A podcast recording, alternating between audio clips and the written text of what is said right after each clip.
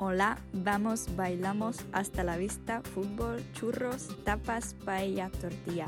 Pokud chceš umět i další slovíčka, která se ve španělštině nacházejí, tak poslouchej dál. Španělština stér. Hola, ahoj. V prvé řadě bych se chtěla omluvit za to, že nevyšel díl tak, jak měl, hned třetí. Ale pokud mě sledujete na Instagramu, tak víte, že jsem posledních deset dní byla extrémně nemocná a vlastně Uh, I doteď moji studenti můžou potvrdit, že pořád kašlu a mám ještě trochu rýmu.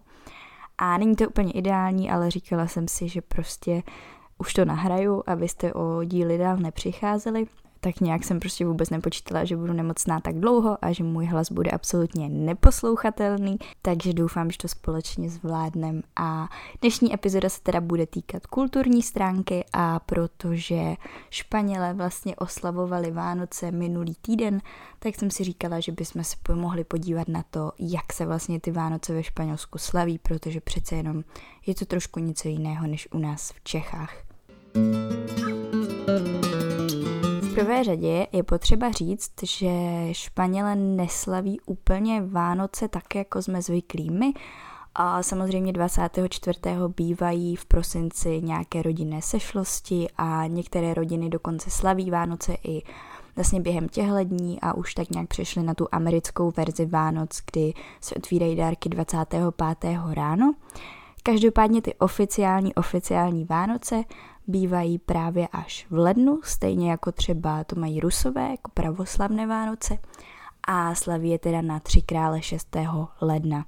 To znamená, že španělské děti mají vlastně prázdniny ještě o týden díl než ty naše, protože pokud se nepletu, tak naše děti se do školy vracely 2. první, zatímco španělské děti se vracely až teď v pondělí, to znamená 9. první o týden později, aby si právě užili oslavy tří králů. Ta největší akce se koná 5. první večer a vlastně to má podobný systém jako třeba náš Mikuláš, kdy vlastně tři králové jsou sice 6 ale pátého právě je eh, noc tří králů a chodí a rozdávají dárky právě v tuhle noc. To znamená, že v různých španělských městech můžete narazit pátého odpoledne nebo právě k večeru na uh, tří královské průvody. Uh, bývají to průvody s alegorickými vozy, lidé tam tančí, je tam všude hudba a na konci toho průvodu jsou právě tři vozy se třemi krály. Pojmenované je mají úplně stejně jako my, akorát, že je teda překládají, takže Melichár se španělsky řekne Melchor, Baltazar je Baltasar, akorát se s místo z, no a Kaš, Kašpar je Gaspar. Samozřejmě na ty tři poslední uh, vozy, které vezou tři krály, uh, se čeká s největším nadšením, děti křičí, občas uh, králové rozházejí nebo jejich pomocníci rozhazují sladkosti do davu a je to poměrně velká akce. Já jsem se na průvod podívala loni, a bylo to zajímavé a to mi stejně všichni říkali, že to bylo poměrně osekané v rámci toho, že loni se ještě docela dost řešil covid. A, ale myslím si, že to stojí za to, takže pokud budete v lednu ve Španělsku, tak 5. určitě vyražte do ulic nějakého města a počkejte si na tři krále.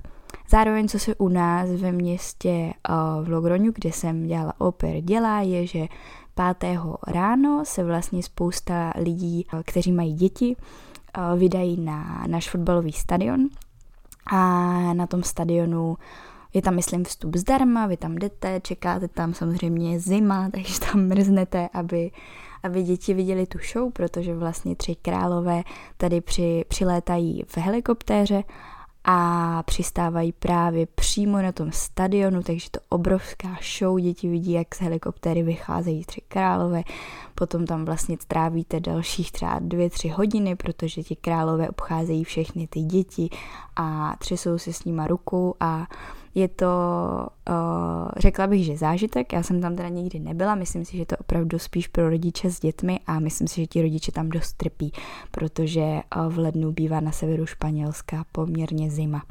No a v noci v pátého teda uh, jdou děti spát, ještě předtím uh, chystají uh, nějaké dobroty pro krále a pro jejich pomocníky a taky pro velbloudy, na kterých přijíždějí a nevím, jestli jste si toho všimli, ale o, američané teda, nebo americké děti chystají mléko a sušenky pro Santu a španělské děti chystají, a tuším, že taky sušenky a mrkev pro velbloudy a, a krále a my teda nechystáme nic, tak to mi přijde takové trošku sobecké, že vlastně chceme jenom ty dárky, ale nikdy za to nic Ježíškovi nenachystáme.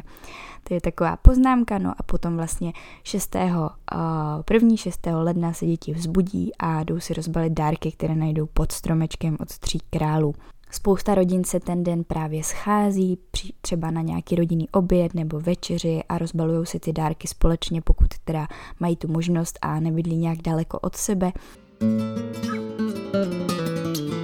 Tak jako my na Vánoce snídáme Vánočku, tak tady se snídá něco podobného, jmenuje se to Roscon de Reyes a je to vlastně Řekla bych, že těsto je úplně stejné jako naše Vánočka, akorát to má teda kulatý tvar s tím, že je to takový obrovský donut, vevnitř jakoby uprostřed je díra. Uh, může na tom být nahoře kandované ovoce, případně vevnitř může být nějaký krém, třeba čokoládový, nebo je tam našlehaná smetana nebo nějaká šlehačka a podobně. No a uvnitř uh, je schovaná vlastně postavička, kdy si to býval jeden z králů, teď už to bývá tak různě, co je napadne, bývají tam občas i zvířátka a když tohle vlastně uh, objevíte ve svém kousku roškonu, tak znamená, že jste, tak to znamená, že jste králem oslavy a většina, no myslím si, že všechny tady tyhle rozkony vždycky přijdou i s papírovou korunou, kterou si pak může ten, který právě najde panáčka, dát na hlavu.